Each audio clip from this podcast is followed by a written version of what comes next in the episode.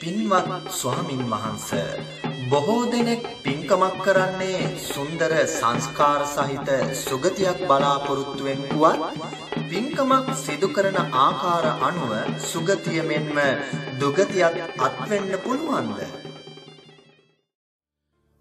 ලෞතුරා බුදුරජාණන් වහන්සේ පිංහතුනේ අපිට දේශනා කරනවා පින්කමක් සිද්ධ කිරීමේදී. ඒ පින්කම තුළින් පිංහතුනේ අපිට දුගතියට යන පාරත් සකස් කර ගන්න පුළුවන්කම තියෙනවා. ඒ වගේම පින්කමක් සිද්ධ කර ගනිද්දී ඒ පින්කම තුළින් සුගතියට යන පාරත් අපිට සකස් කර ගන්න පුළුවන්කම තියෙනවා. ඒ වගේම පින්කමක් තුළින් විදර්ශනා නුවනක් ඇති කරගන්න පුළුවන් කියලා බුදුරජාණන් වහන්සේ දේශනා කරනවා. අදක්ෂයා පින්කම් සිද්ධ කරලා දුගතියට යනෝ පිංහතුනි.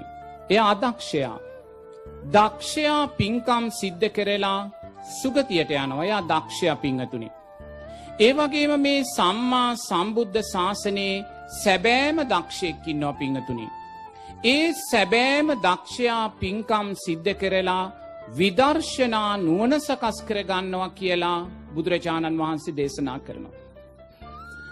මේ අපි දිව්‍ය ලෝක ගැන දිව්‍ය තල ගැන කතා කරද්දි පිංහතුනේ අපි මේ දිව්‍ය ලෝකවල දෙවියන් දිව්‍යාංගනාවන් ඉන්නවා කියන කාරණය තමයි දන්නේ.